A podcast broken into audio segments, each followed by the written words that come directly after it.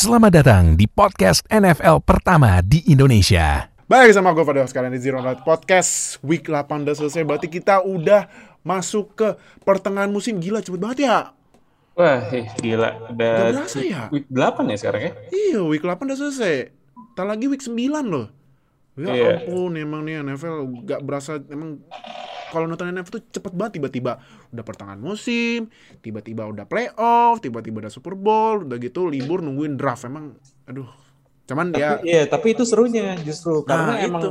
waktunya tuh cuma sebentar. Jadi sekalinya kelewat tuh kayak aduh kelewat nih. Nah, bener. nih. Bener makanya eh enaknya nonton NFL gitu.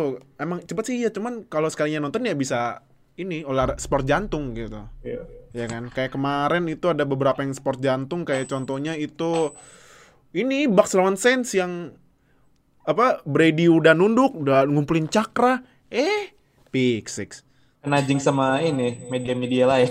iya kena jinx kan. Eh gara-gara nunduk ngumpulin cakra. Nah, tapi eh sayangnya itu nggak ditayangin sama Mola. Nah, kita bahasnya yang Mola aja ya. Nah, balik lagi sama Oka buat review di week 8. Langsung aja nggak pakai lama kita mulai review week 8. Sebelum mulai jangan lupa seperti biasa subscribe, lonceng sampai subscribe biar kita upload biar kita upload bah dapat notifikasi biar nggak ketinggalan sama NFL di Indonesia dan jangan lupa eh, follow semua sosial media kita ada di deskripsi video ini linknya udah ada semua join aja semuanya nggak usah malu-malu jadi udah kalau gitu kita baca hasil-hasil di week 8 yang pertama akhirnya ya akhirnya sudah tidak ada tim yang nggak kalah musim ini karena Packers menjadi tim pertama yang mengalahkan Cardinals. Dan itu kalau misalnya lu mungkin memorinya bagus ya ini langsung flashback ke Super Bowl 49 loh. Karena detik terakhir interception di State Farm Stadium stadionnya Cardinals ada apa di SB 49 kalau nanya fans Patriots pasti langsung kenapa ya? Kenapa ya? Pasti gitu berapa lupa. Eh, eh fans fans Seahawks. Seahawks, fans Fans Seahawks. Seahawks, sorry. Kalau nanya fans Seahawks langsung kenapa ya? Kenapa ya? Gitu. Ada pasti interception gitu. di goal di goal line play. Hmm. Kayak apa ya itu? apa ya? Mau sosok sosok eh, lupa gitu kebiasaan. Nah itu mirip-mirip. Dan gue juga liat interceptionnya gue sampai heran what? Apa sih itu ibaratnya kalau main eh, Madden itu baterainya habis tiba-tiba kontrol disconnect Kontrolnya rusak ya. Kontrolnya Iya, rusak. baterainya habis. Nah, aduh parah banget emang interception. Jadi eh, nomor unbeaten tapi masih ada yang winless. Nah, cuma nanti ini berurutan dulu ya. Terus next eh, Bills ya ya seperti biasa ya ngalahin Dolphins 26-11. Terus Panthers lawan Falcons akhirnya Panthers menang 19-13 lawan eh, rival divisinya.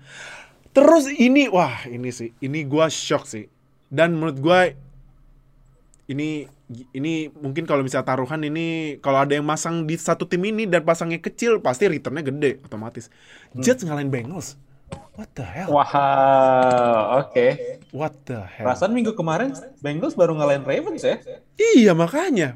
Karena Minggu kemarin kemarin kalah sama Jets. Iya minggu kemarin Bengals bantai Ravens loh. Kemarin Bengalsnya kalah sama Jets loh. Ah, gimana cerita kan? Aneh kan? Nah, Bikin gara-gara pala ini lah.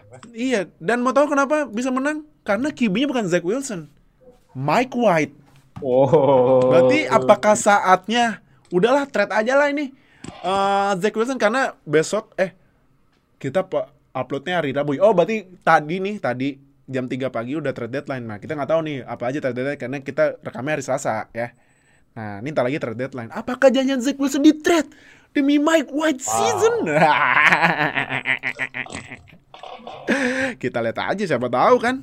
Abi- Abisnya ini aja udah ada salah satu eh yang sebenarnya sih nggak QB rookie juga sih. Seben, eh, ini ya, udah ada salah satu QB tahun kedua aja udah mulai dijadiin trade aset nih buat nge-trade QB-nya timnya Oka. Eh. Apakah kejadian? Kita lihat aja. nah, next ini Rams lawan Texans saya menang Rams ini udah ya ini free win ya. Tapi anehnya nih Rams gini ya. Rams ini kan udah mimpin 38-0 terus diturunin second string sama seterusnya.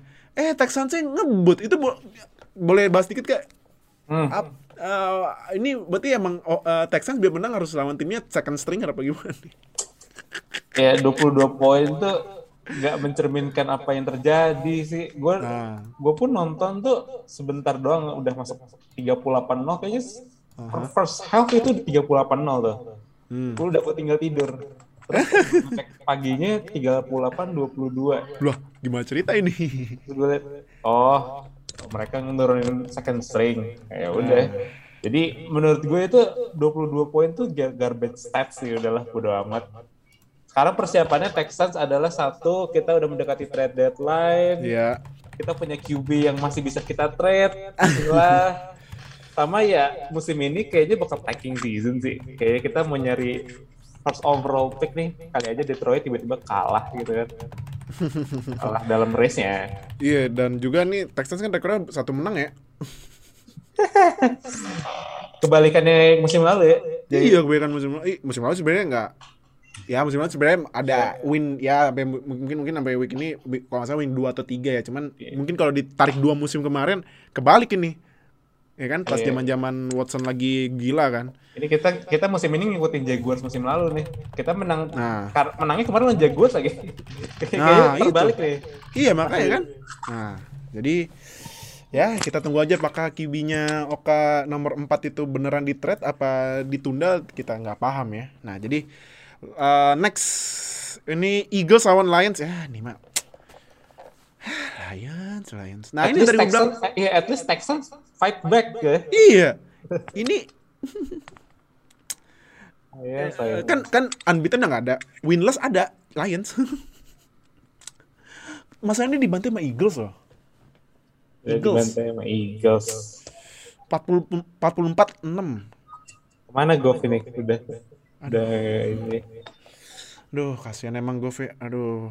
Nah, eh terus next ini Titans lawan Colts yang sampai overtime 34-31 tapi breaking newsnya sayang sekali dari Henry.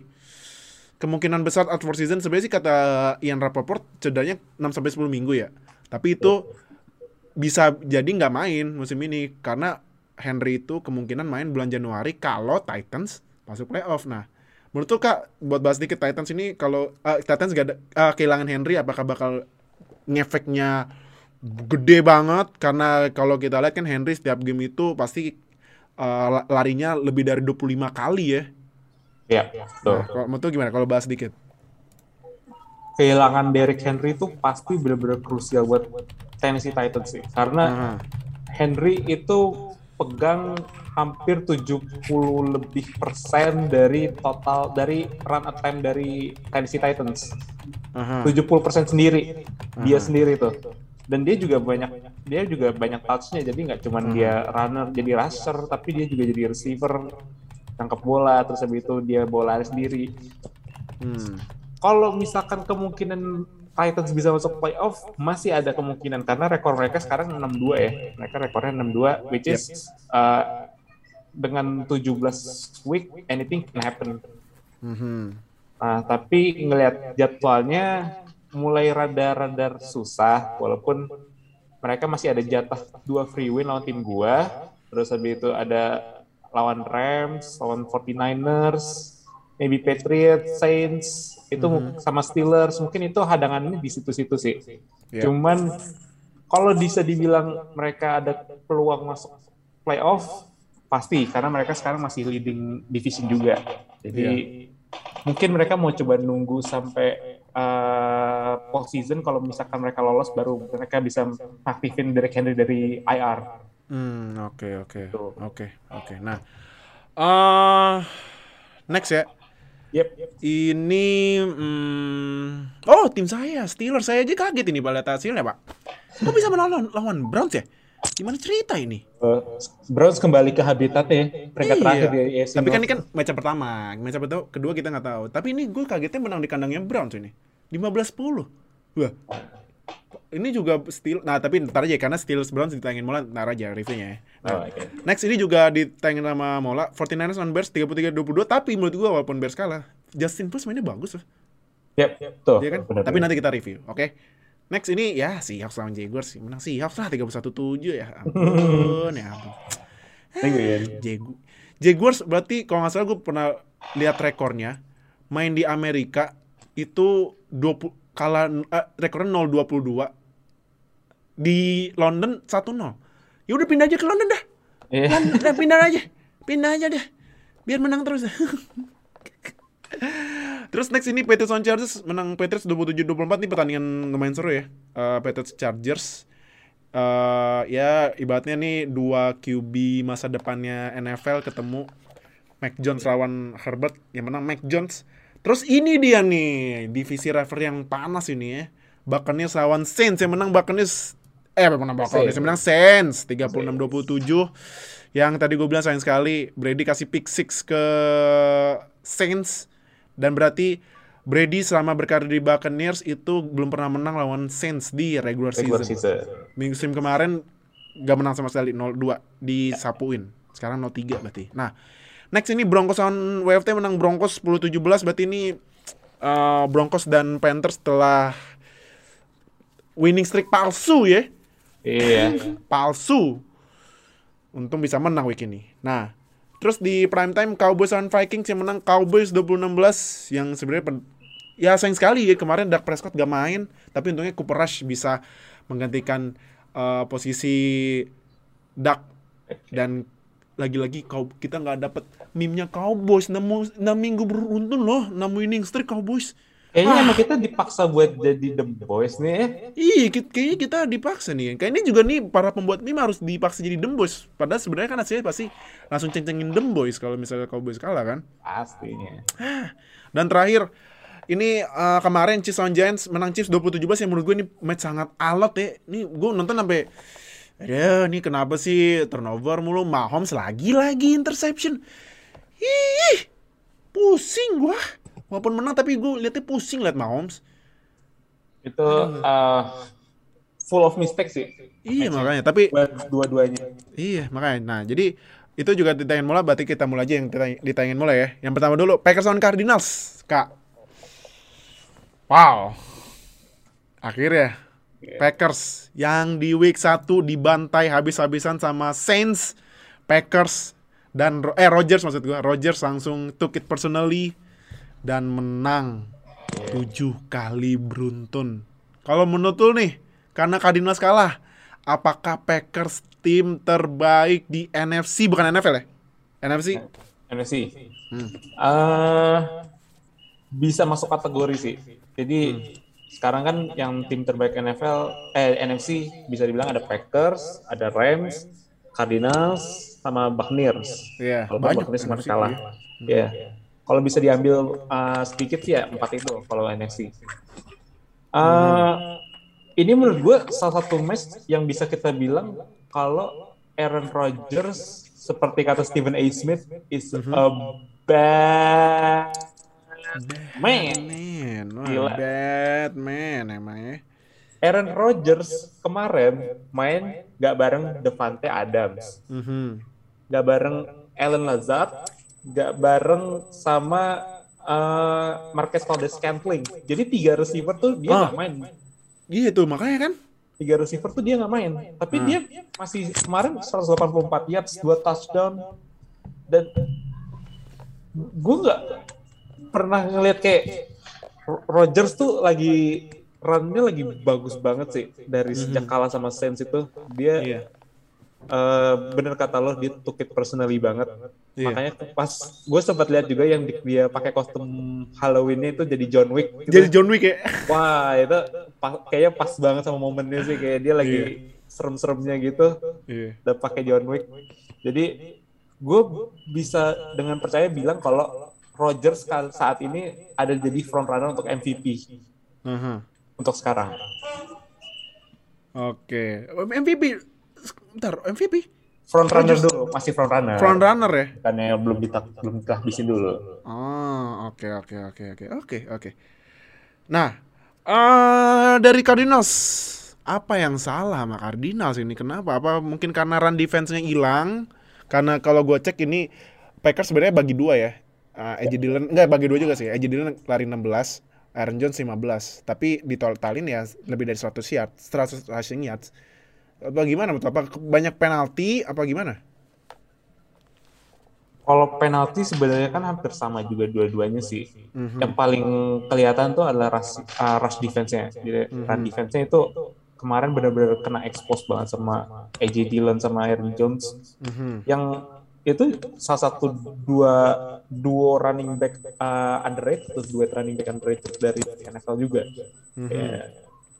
Kemar walaupun ya statsnya karena bagi-bagi juga sih jadi sama lebih rata Aaron Jones tapi punya 7 catch 21 yards dibandingkan AJ Dillon.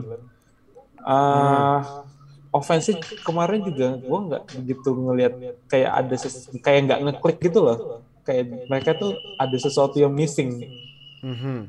Tyler kayak susah buat susah banget buat nemuin uh, DeAndre Hopkins terus habis itu sama Christian Kirk juga Zach Ertz Mhm. juga. Beberapa kali dapat tapi nggak gitu ngefek. Jadi eh mungkin karena lagi off game aja sih. Karena lagi off game juga. Kemarin juga Kyler juga dua interception. Mhm. jadi menurut gue belum saatnya buat fans Cardinals untuk panik ya karena eh, kemarin emang lebih kayak mereka agak sedikit off tune mungkin bisa balik lagi di pekan depan jadi ya stay calm aja ya buat fans Cardinals. Hmm, oke oke oke oke. Nah, em, tapi gue mau bahas yang gue tahu apa yang mau lo bahas. kenapa AJ Green? Gue mau gue mau nanya simpel ya. Hmm. Salah AJ Green apa salah Kyler Murray? Salah kalau menurut gue malah salah Kingsbury. Cliff. Cliff King- Kingsbury.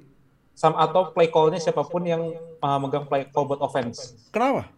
karena gue ngeliatnya kayak AJ Green tuh uh, ngerasa kalau dia tuh harusnya uh, posisinya adalah sebagai blocker makanya dia nggak dia nggak nengok ke belakang cepet gitu untuk nangkep buat siap-siap nangkep bola. Tapi kayak dia tuh berdiri jadi penghalang aja buat uh, defense tapi kayaknya uh, Kyler dikomunikasiin sama OC ataupun Cliff, uh, Cliff-nya juga itu AJ Green kalau misalkan dapat one on one targetin dia targetin dia nah kemarin kan juga AJ Green uh, dapat one on one tuh sama kalau nggak salah cornerbacknya Russell Douglas ya Mhm. Russell Douglas ya. Iya, Russell Douglas yang uh, ceritanya katanya di cut dari practice squadnya Cardinals Iya, iya. Iya. Iya dan uh, dipikal sama Packers dan kemarin bikin game stealing interception Ah. ironis juga sih jadi kayak semacam miskomunikasi aja kayak AJ Green ngerasa kayak dia nggak akan jadi receiver dan Kyler bakal targetin atau antara ke tengah atau ke kiri. Jadi it, it'll be of both sih. Bisa keduanya juga. Jadi ya miskomunikasi antara play caller sama pemain aja. Hmm, oke oke. Eh, berarti play calling yang lu salahin ya buat eh, interception yang komunikasi sih komunikasi ya. komunikasi Gua aja ngeliat sampai what Iya. what endingnya kayak gitu anti klimaks banget parah. Karena kalau AJ Green benar-benar di set sebagai receiver dan dia tahu, itu Aha. pasti dia udah nengok ke belakang duluan sebelum lemparannya di, Ih, dilempar. Bener juga ya. Kayaknya sih AJ Green menurut gue dia kayak jadi decoy nggak sih? Ya, iya. Iya kan atau nggak dia- atau nggak dia jadi blocker atau kayaknya sih decoy ya. Decoy. Iya. Ah, iya, iya bener juga ya. Oke, oke, oke, oke. Dan gue sampai sekarang masih mind blown sih itu. ya ampun, ya ampun kalian. Dan sayangnya kemarin abis match Kyler Murray pincang loh. Nah, Bahaya nih kalau misalnya beneran cedera nih. Nah, jadi buat fans Cardinals yang lama ataupun baru karena baru unbeaten ya, lagi bagus, baru bagus sebenarnya, baru bagus. Wah, was-was aja kalau misalnya kalian murid tiba-tiba out kan kayak kemarin Dak Prescott pas di Cowboys kan. mm-mm. Padahal tuh Dak Prescott kemarin ah tapi ntar aja Dak Prescott. ya. Oke. Eh, kita langsung ini ya next ya. Next. Nah, ini next yang ditayangin ini tim tim saya nih. Mm. Nah, Steelers on Browns gua aja sampai kaget ini kenapa bisa menang ini Steelers. Nah, mungkin eh, silakan mau ditanya karena gua fans Steelers. Nah, Oke. Em, kalau kemarin sih gue melihat melihatnya kayak gamenya masuk alot juga ya, masuk alot. Jadi eh apa ya? Oke. Menurut lo ini eh kalau Steelers mau coba masuk playoff, menurut lu harus benar-benar trust ke Najee atau tetap harus bagi-bagi antara Big Ben sama running game-nya? Oh, gua ya. Um, kalau menurut gua harus tetap dibagi sih karena ini loh karena menurut gua kemarin itu run offense-nya Steelers jalan. Ya. Karena Najee Harris 91 rushing-nya tuh lumayan. Hmm. Satu touchdown. Dan eh, ya walaupun Najee Harris juga larinya paling jauh 11 yards, tapi kan ya eh, inilah ya eh, dibanding sama sebelum-sebelumnya lumayan gerak gitu. Ya. Nah, tapi kalau misalnya mulai loadnya dibanyakin ke Najee, Najee kalau sini, sana bacanya Najee, Najee. Najee. Nah, menurut gue jangan deh karena gue ngeri banget kalau misalnya Najee dapat load banyak. Najee 26 gue udah rada-rada khawatir loh. 26. Kalau Ah. misalnya 26 di tackle-nya kenceng, hmm, rookie cedera, aduh capek, pusing dah gue. First round pick musnah Terus gitu. round pick Brusna lagi, aduh pusing gue, pusing-pusing. Jadi eh dan juga ini kan eh, kemarin itu kan Juju udah out for season ya. Iya. Sama kemarin gua cek eh, Steelers ngambil Anthony Miller yang dulunya di Bears kalau misalnya masih ingat ya. Iya. Sempat Eh, sebentar. Iya. Sekarang itu WR1 Steelers Deontay Johnson. Karena ini di targetnya aja Deontay 13 kali loh. Wow. Oke. Nah, 13 kali. Chase Claypool di target cuma 5. Berarti ya sesuai yang apa gue bilang Chase Claypool ini dipasang jadi one on one receiver. Nah, Deontay buat sisanya slot atau misalnya run deep dan lain-lain gitu. Nah, cuman yang kemarin gua mau ini ya, gua mau kasih ini apa credits tight end nih, rookie juga. Pat. Fryermuth. Akhirnya menurut gua kemarin dia udah mulai kelihatan dan eh kemarin bikin touchdown-nya gua, gua- menurut gua tuh touchdown gila sih. Kalau dia nggak konsen itu eh, lepas apalagi itu touchdown-nya pas fourth down lagi.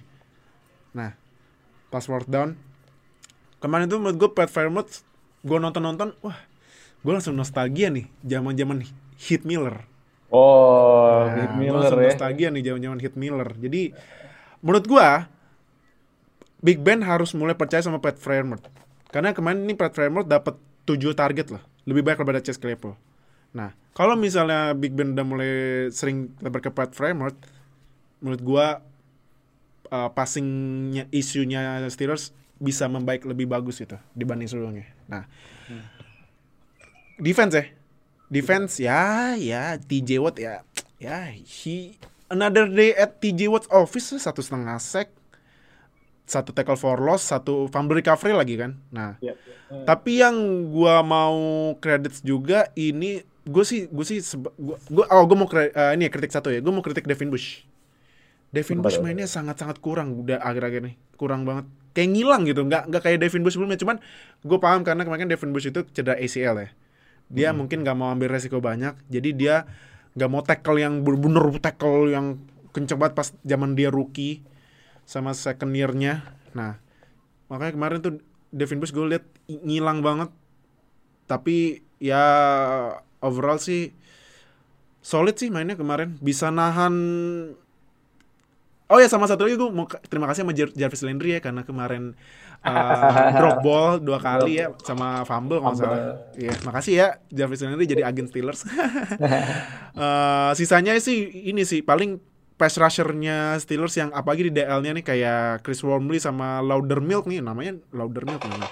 Yang bisa ngebantu TJ Watt dan Cameron Hayward buat ngejar QB dan tackle for loss. Itu sih. Itu sih kalau gue Steelers. Kalau ini kalau Browns ya ya. Kalau Browns ya dari lu gimana pandangan lu Browns? Gue nggak nggak ngeliat kayak running game jalan banget ya. Walaupun beberapa kali mereka berhasil bikin big play di running gamenya. Cuman kayak overall tuh kayak sesuatu something missing gitu. Kayak mereka nggak benar-benar bisa manfaatin Nick Chubb balik lagi ke line up ya. Mhm. dan juga untuk Nick Chubb gue ngeliatnya kayak mereka masih ngecoba masih coba untuk ngebatasin snapnya. Dia nggak banyak dia masih bagi-bagi playing time sama Dearness Johnson. Jadi dia mungkin itu karena eh, sebagai preventif aja buat dia nggak cedera kan. Eh, kemarin juga uncharacteristically eh, offensive line Browns itu kecolongan 4 sack. Ya kan? Aha. Kecolongan 4 sack. Terutama di obrak abrik sama TJ Watt juga tuh. Kita Mhm. satu setengah sack dari Iya. TJ Watt sendiri. Ya, eh, mu- lagi-lagi mungkin itu ya karena lagi nggak lagi off game aja sih. Tapi gue juga rada khawatir sama Baker karena Baker ketika running game tidak jalan, dia nggak bisa bantuin, dia nggak bisa ikut kontribusi. Jadi mungkin jadi pertanyaan, kalau misalkan Baker kayak gini terus, kayak masih harus butuh disuapin play call-nya, terus habis itu kayak running game-nya harus jalan dulu baru dia bisa uh, mulai nyerang. Itu jadi pertanyaan apa dia pantas buat dapat extension? Apakah dia jadi franchise quarterback buat Browns? Mhm. Pertanyaannya kan gitu. Jadi uh, mungkin fokusnya juga ada di Baker ya, karena harusnya dia nggak ha- nggak harus tidak seharusnya dia cuma bisa nyekor 10 poin loh kemarin. Mhm. Jadi ya who knows mungkin uh, next week di game selanjutnya dia bisa lebih baik lagi dibandingkan pertandingan ini. Hmm, oke oke oke oke. Nah, eh terus kita ini ya lanjut ke lanjut ke match selanjutnya ya. Ini Bears lawan 49ers yang menang 49ers 33-22. Garoppolo dua rushing touchdown. Hmm. Ini kayaknya dia udah ini nih. Anjir ada Trey Lance lagi. Gua harus ngapain nih? Oh, dua rushing touchdown. Kayaknya, kayaknya dia denger pas kita ngata-ngatain dia kemarin dah. Iya, kemarin kita kayaknya. bilang kayak Jimmy G mesti diganti sama Trey Lance nih. Ah, ah, iya makanya kan dengar kedengaran itu wah langsung tukit per oh jangan dia tukit personally kayak ini lagi ya kayak siapa kayak Rogers hmm. Ya Rogers. iya kan Gimana mission? ngeri loh nah jadi kalau mau tuh eh, gimana analisisnya buat 49ers kemarin Uh, 49ers kemarin ya lagi-lagi gue kaget sama Elijah Mitchell juga sih. Elijah Mitchell juga kemarin 137 rushing yards dan satu touchdown. Jadi mereka punya running back yang bisa mereka andelin at least for now. Walaupun sempat diraguin juga mereka masih mikir kayak Rahim Mostert ataupun siapa lagi sih Trey Sermon itu jadi running back buat mereka tapi ternyata formulanya 49ers pas 2019 itu kayak semacam balik lagi kayak running back siapa pun yang lagi start itu bisa thrive under Shanahan scheme. Jadi baik itu Raheem Mostert ataupun Trey Sermon, Elijah Mitchell, Jamichael Hasty itu bisa uh, bisa work lah under Shanahan offense gitu. Jimmy Garoppolo ya, Jimmy Garoppolo sebenarnya gue bisa ngeliatnya kayak klasik Jimmy G sih, bukan sesuatu yang mengagetkan banget karena se- selama dia di NFL tuh dia setelah statsnya ya hampir-hampir mirip-mirip kayak gini, kayak passing yards banyak, tapi ya touchdown-nya nanti diserahin ke running back ataupun dikasih handoff aja. Atau dia tiba-tiba run, run sendiri gitu untuk touchdown. Jadi ya mungkin kita terlalu keras ya buat Jimmy G. Kayak kita bilang ganti nih Jimmy G sama Trey Lance. Kayaknya dia masih punya motivasi gitu buat ini starting position gue starting spot gue jadi nggak nggak mau dia diganti sama Trey Lance. Nah eh next ya. Ini Bears. Yang tadi gue bilang di awal Justin Fields walaupun kalah menurut gue mainnya bagus. Ya rushingnya 103 rushing yard satu touchdown ya kan? Ya betul. Tapi perlu diingat ya kemarin Fields main itu gak ada Matt Nagy loh. Matt Nagy kena COVID-19 mainnya bagus gitu. Berarti kak dari lu kesimpulan lu apakah ini emang masalahnya di Matt Nagy apa gimana? Yang pasti gue bisa lihat dari nonton pertandingan Bears beberapa kali adalah offense Matt Nagy nggak cocok buat Justin Fields. Itu yang pertama. Itu yang paling penting. Justin Fields itu harus dikasih ruang uh, nggak boleh ditaruh di pocket doang, tapi dia harus bisa lari-lari kayak Russell Wilson. Mhm. Sedangkan kalau Matt Nagy offense ya, quarterback harus ada di dalam pocket dan harus uh, lempar cepat. Mhm. quick throw langsung middle outside itu harus cepat dan nggak nggak boleh banyak gerak-gerak lah gitu dan itu nggak cocok buat Justin Fields lu bisa lihat kan kemarin Justin Fields lebih bebas mainnya ketika Iya. Matt, Matt Nagy nggak main eh, Bener, nggak ada di sideline nggak Bener banget. Bener banget. dan itu mungkin bisa jadi pertimbangan buat uh, front office-nya dari Bears ya Aha. Karena kita pun tahu kayak GM-nya uh, Chicago Bears Ryan Pace itu juga lagi under pressure banget karena beberapa udah beberapa tahun ini sejak 2018 mereka kayak uh, susah banget gitu buat balikin lagi performanya ke 2018. Jadi mungkin ada kemungkinan Matt Nagy masih ada di hot seat walaupun kemarin Justin Fields mainnya bagus ya. Jadi ya we'll see mungkin pergantiannya musim ini ataupun musim depan bisa jadi kita nanti nonton aja. Oke, nah, Em, terus kalau defense-nya ini yang gua kaget juga, Josh Norman mainnya bagus sih, satu interception, tujuh kom, kom- tujuh tackle, satu force fumble. But Ini Josh Norman udah ini keluar dari Bayang- bayang- tahun kemarin bayangnya- yang Derrick Henry ya ampun, ya ampun. Hi- highlightnya musim ini, highlightnya selama dia berkarir adalah satu di burn sama Odell Beckham, dua di stiff arm sama Derrick Henry ya. Iya makanya. Nah jadi eh jadi ini kalau gue sih kalau kalau pendapat gue ya Negi sih emang problemnya sih Negi. Negi, Negi sih. Nah eh next ya kita ke pertandingan prime time ini.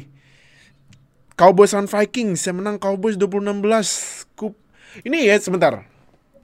Week 8 ini menurut gue week redemptionnya para backup QB ya. Iya Ya, sih? ya. Mike Ya. White, Cooper Rush, Trevor Satu lagi Simeon. Trevor Simeon. Tre- Trevor Simeon nih. Wah, eh tapi sebelum ini, gue mau bonus satu game dulu deh, ya. Bonus satu game ya, bonus satu game. Bakri Sound Saints. Ini Oh, oke. James Winston sayang sekali cedera out for season loh, ya ampun. Eh, Nah, kalau dari lu ya, menurut lu apakah Sean Payton harus start Trevor Simeon atau Ian Book? Ian, Ian, kok Ian sih Ian?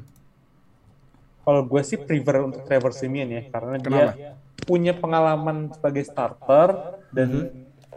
gue gue inget banget Trevor Simeon tuh 2016 jadi full time starternya Broncos. Broncos. dan itu sebenarnya dia mainnya lumayan bagus loh, nggak nggak jelek-jelek amat. Dan Hmm. dengan pengalaman itu menurut gue lebih cocok dia jadi quarterback satu dari New Orleans Saints dibandingkan Ian Book yang masih rookie. Jadi kalau misalkan gue Payton gue lebih milih Trevor Simeon ya walaupun dia nggak flashy banget. Dia paling bakal banyak check down ke Kamara ataupun main short pass aja. Jadi ya itu sih. Mending Trevor Simeon yang punya experience Hmm. dibandingkan rookie quarterback mereka. Eh, terus kalau dari Brady nih, menurut lu Brady selama karir di Bucks ini sense ini nggak sih? Kryptonite nggak sih? Karena kemarin nih teman-temannya lo Brady bikin tiga turnover loh, dua interception sama satu fumble loss. iya Padahal tuh, tar sorry, padahal tuh kemarin Brady sempat bikin long pass yang gak dijagain sama sekali dong sama Saints. Hmm, iya betul Nah, tapi sayang sekali terakhirnya pick six. Nah, kalau menurut tuh gimana? di skenario normal kita tahu kalau 29 27 itu ah, dengan kayaknya beberapa menit ya tinggal sisa satu setengah menit tan dengan bola ada di Brady itu biasanya kan it's a wrap ya. Makanya orang-orang pada langsung mikir wah gila udahlah ini satu setengah menit ini Brady bakal down uh, drop the ball down the field. Terus habis itu nyampe field goal range dia menang ya udah end of the day. Ya tidak semudah itu ternyata tidak semudah yang kita pikirkan kayak bisa aja tiba-tiba ada kayak gini langsung uh, bukan cuma interception tapi sampai pick six itu gue nggak kebayang sama sekali sih Mhm. kayak uh, so- menurut gue nggak something wrong dari si Brady ya Mhm. jadi itu hanya one bad play at the most at the worst possible time aja. Jadi uh, menurut gue nggak nothing wrong juga sih. At least nggak dibantai kayak terakhir mereka main di regular season kan, 38-3 dulu. Jadi just another game sih. Hmm, oke oke oke oke oke. Nah, um, berarti itu ya uh, bahkan Saints lu harus nonton sih highlightsnya. Gue aja nonton pagi-pagi kebangun kan, terus nonton uh, pertandingannya live. Gila sih matchnya. Apalagi pas selesai matchnya itu uh, sempat berantem tuh. Pem, apa, sempat berantem siapa yang berantem ya? Si Gardner Johnson lagi tuh yang musim kemarin sempat berantem sama pemain Bears kan. Tukang ribut emang. Sama Fournette kalau nggak salah. Kok sama Fournette berantem. Ah. Ya gimana rival divisi berat, panas ya kan. Nah, kita ini ya uh, lanjut ke yang mola prime time pertama Cowboys lawan prime time kedua sorry Cowboys lawan Vikings 26-16. Cooper Rush ini uh, gimana menurut performanya? Buat ngegantiin Duck kemarin. Walaupun lempar satu interception dan kena tiga sack tapi menang. Cooper Rush uh, doing good enough sih, doing good enough buat menang. Ya, walaupun ada ada aja juga beberapa orang yang bilang kayak aku peras is QB1 gitu harus dipakai terus-terusan. Eh, itu enggak sih, enggak, enggak akan sampai ke situ. Kayak Dak akan tetap jadi QB satu walaupun Cooper Rush kemarin mainnya oke, okay, mm -hmm. tapi not really that inilah enggak exceptional banget. Kemarin juga jarang-jarang gue ngeliat Mike McCarthy main lebih kreatif ya, main kayak Cedric Wilson di uh, buat ngepass terus habis itu bisa bagi-bagi running back dengan Zik sama Pollard juga. Iya. Dan kemarin uh, Amari sama CD juga lagi on fire banget. Uh, jadi ini nggak hanya di Kuperas aja tapi kayak seluruh tim lagi pada uh, on rhythm sejak uh, by, by week kemarin. Mm-hmm. Jadi mungkin aja kita bisa lihat Dallas sebagai contender. Who knows ya? Mm-hmm. Sebagai contender, tapi contender, yeah. kita ngelihat di NFC East mereka udah lagi unggul jauh sama pesaingnya.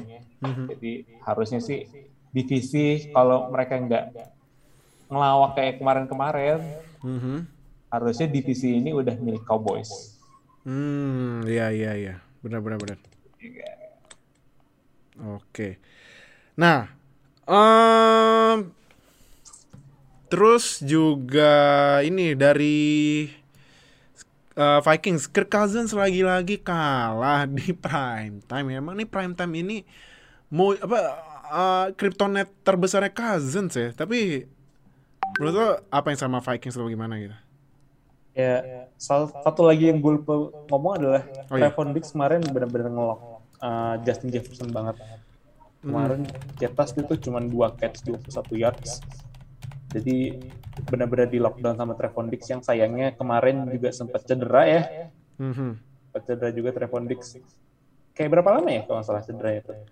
Trevon Diggs kemarin itu sempat pincang tapi belum ada timetable-nya sih. Belum, belum ada konfirmasinya. Ya, hobi sprain sprain ankle sprain ankle katanya ya, berarti ya eh, three four weeks lah Kirk Cousins lagi-lagi kayaknya mending kita nggak usah masang Vikings di prime time sama sekali sih.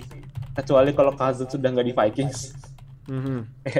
kayak gue udah expect kayak Cousins main di Sunday Night Football. Wah udah. Udahlah. Kayak nggak kayaknya mainnya bakal nggak lancar lagi kayak biasanya. Mm-hmm. dan overall secara tim hmm, ya still pretty good sih tapi hmm, B aja kalau B aja ya iya. hmm, oke oke oke oke oke nah uh, gue mau bahas satu lagi nih buat Vikings ini kalau gua cek emang Justin Jefferson lumayan nurun ya. Tilan yang lagi naik, Tilan kembali naik menurut gue ya. Ya sebenarnya hmm. musim kemarin juga lumayan ya. Cuman kalau gua cek kayaknya Tilan ini ditargetinnya lebih banyak. Tapi menurut lu ke mana nih Tilan ditargetin karena Jeffersonnya dijagain sama Trevon tapi Trevon sayangnya gitu ya interception banyak tapi oh ya interceptionnya Trevon streaknya udah selesai nah Ya. tapi Trevon kemarin ja- selama musim ini jaga ini lumayan kena burn-nya banyak loh Ya. nah tapi eh, menurut lu apa apa mungkin karena defense eh, plan-nya emang udah jagain Jefferson mulu makanya Thielen dilempar terus apa apa Cousins eh, udah match sama Thielen apa gimana menurut lu? Eh, Cousins juga nggak akan fokus ke satu receiver doang ya. Jadi dia akan bagi-bagi bolanya. Jadi kalau ngeliat di atas nggak open, pasti dia lempar ke Thielen, dia lempar ke Tyler Conklin, tight end-nya, atau lempar ke Dalvin Cook kalau bisa. Mhm. Jadi nggak akan force the ball banget dia. Dia sebenarnya Cousins ini makanya sesuatu kayak apa ya frustrating banget soalnya karena Mhm. kita tahu seberapa pinternya dia dia nggak dia secara IQ ya one of the, uh, one of the better quarterback lah tapi Ya. kayak for some reason tuh kayak errornya tuh selalu muncul tiba-tiba gitu loh Iya nggak? kayak ah when Cousins is not supposed to do that gitu jadi eh Thielen dan Jetas masih bisa jadi wide receiver duet yang uh, dapat diandalkan sih. Jadi walaupun Cousins juga punya ceiling yang nggak begitu tinggi, tapi it's a good enough sebagai starting quarterback buat mereka. Hmm, oke oke oke. Oke. Nah, eh terakhir ini Giants lawan Chiefs 2017 yang baru mulai aja aduh. Mahomes. Iya. Belum-belum udah tukaran interception ya. Ih, pusing gue liat Mahomes. Masih udah udah dijagain ketat, dilemparin, bolanya ke ke tangkis, bolanya ke atas, interception. Terus bolanya dipegang Giants, Daniel Jones-nya juga lempar interception. Hih. Hah. Tapi menurut lu nih Mahomes ya gue sorry kalau misalnya uh, pertanyaan kedua gue agak konyol ya Mahomes ini apa karena dia play apa uh, cara mainnya udah kebaca banget sama defense atau karena adanya Ah, ah, kayaknya ada, kayaknya ada ini. ya. Enggak, adanya enggak. Dan Chiefs harus hire body apa security yang bagus nih biar adanya udah jangan masuk dah tapi canda canda. Tapi uh, kalau menurut Mahomes kenapa ya? Ada ada apa Mahomes Mahomes kalau Mahomes ini musim ini dia itu interceptionnya udah bikin uh, se- sebentar gua cek dulu ya. Uh, Mahomes ini interceptionnya udah bikin 10 terbanyak di liga. Oh man. wow. Apa yang salah Mahomes? Dan turnovernya tuh nggak cuman interception tapi juga fumble. Dia juga itu. beberapa kali bikin fumble. iya. Apa ya kayak kayak kita ngelihat dan nonton Mahomes tuh kayak dia terlalu sering maksain bola buat dilempar ya kayak iya kayak kita kita bilang kemarin di um, last week waktu kita bahas uh, Chiefs lawan Titans Aha. dia terlalu banyak push the ball walaupun dia udah di posisi yang seharusnya dia nggak uh, lempar lagi sih Gitu. Mhm. dia terlalu banyak ngambil resiko kayak mungkin gue ngeliatnya kayak 2000 dari dia pertama starter terus sampai 2020 tuh dia selalu bisa bikin play-play yang bikin kita kayak terperangah gitu ya. Tapi gak selamanya play kayak gitu tuh bisa berhasil di NFL dan itu terbukti musim ini sih. Dia sejak week 2 dia selalu bikin interception dan udah tiga pertandingan dia bikin multi inter, multi uh, interception juga. Mhm. bikin total dia tuh jadi 10 dan satu lagi yang kita nggak boleh lupa adalah Mahomes walaupun uh, dia performanya nggak udah mau kayak pasti menurun sih dengan standarnya Mahomes itu pasti menurun. Mhm. defense-nya nggak membantu. Defense-nya nggak ada bantuan sama sekali. Bener kemarin tuh gue nonton ya Sorensen lagi dan lagi loh Sorensen udah pas udah PI udah di PI terus habis itu di masih biarin nangkep itu bener-bener humiliation banget gitu Iya, tapi a- apa ya yang salah ya? Inside linebacker, defensive back apa play Lepas- calling yang salah dari Spagnuolo apa gimana ya? Sat What's wrong gitu? Play call mereka nggak seagresif musim lalu kayak Oh, oke. pressure, kayak pressure-nya itu nggak kelihatan.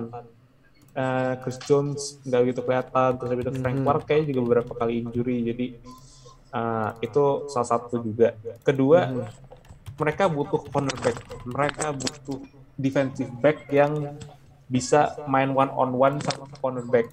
Mhm. Gua nggak percaya sama sekali terhadap Legarius Sneed sebagai cornerback yang menjagain WR1. Mhm. Jadi mungkin kalau misalkan mereka mau coba cari pemain di draft musim depan, Mhm. mereka harus cari defensive back atau pass rusher. Pass rusher. Ya, karena itu dua posisi yang mereka benar-benar butuh sekarang. Hmm, oke oke oke oke oke oke. Atau mungkin hmm, Chiefs bakal ini nge-trade sebelum eh ya tapi ini ini ya Sa. kita direkamnya kemarin ya. Berarti kita nggak tahu nih Chiefs ngapain ya. Tapi mas, mas eh, ini tahun depan kan emang draft ini gue cek prospeknya buat pass rusher sama defensive back lumayan loaded ya. Yap. Kalau betul first round ya kita bikin eh, prediksi-prediksi aja ya. Ya. First round ambil mending ambil pass rusher apa defensive back? Tergantung posisi mereka juga sih di draft. Kalau Mhm. misalkan mm, yang paling bagus itu ya defensive back, ya mereka ambil defensive back. Kalau Mhm. misalkan ternyata pass rusher lagi loaded nih, kayak makanya di draft ini gue ngeliatnya pass rusher lagi banyak yang lagi naik. Jadi Iya. kesempatan yang lebih besar adalah mereka coba draft pass rusher. Mhm. tergantung itu. Tapi itu juga tergantung dari posisi sama kebijakan tim juga. Kita belum Hmm. hitung juga free agency kan. Kali aja mereka nge-sign pemain-pemain yang bisa dipakai buat defensive back atau pass rusher. Mhm. Nah, itu masih masih jauh lah, masih jauh. Kalau misalkan kita mau nakar-nakar siapa yang mereka pick nanti. Hmm, oke oke oke oke. Nah, eh Giants. Giants gimana menurut lo? Giants. eh lagi-lagi ya kayak Daniel Jones eh nggak mainnya nggak jelek, mainnya nggak jelek. Gue bisa bilang mainnya nggak jelek. Mhm. Walaupun beberapa kali bikin mistake yang harusnya nggak dilakuin, tapi at least dia main good enough lah untuk bisa menang. Dan mereka sempet eh, udah nggak seri tapi kayak nggak bisa manfaatin kesempatan dan akhirnya dimanfaatin sama Chiefs dan bisa menang dan lewat field goalnya Harrison Butker. Mhm. Dan kemarin tuh mungkin isu yang paling gede dari, dari Giants lagi-lagi adalah di offensive line ya. Karena offensive line mereka bikin banyak banget penalties. Wah kacau sih, Itu banyak banget.